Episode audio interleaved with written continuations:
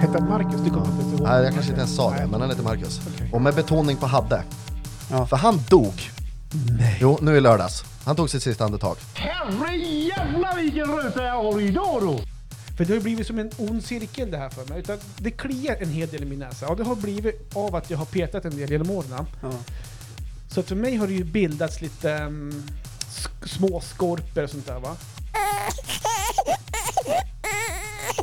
Och sätt de extroverta vid samma bord. Det blir ju världens rulle vid det bordet. Och de introverta sitter på sitt håll. Och jag tror någonstans, är man sån som person så kanske man trivs bäst i den miljön. Gubb-Google finns där poddar finns.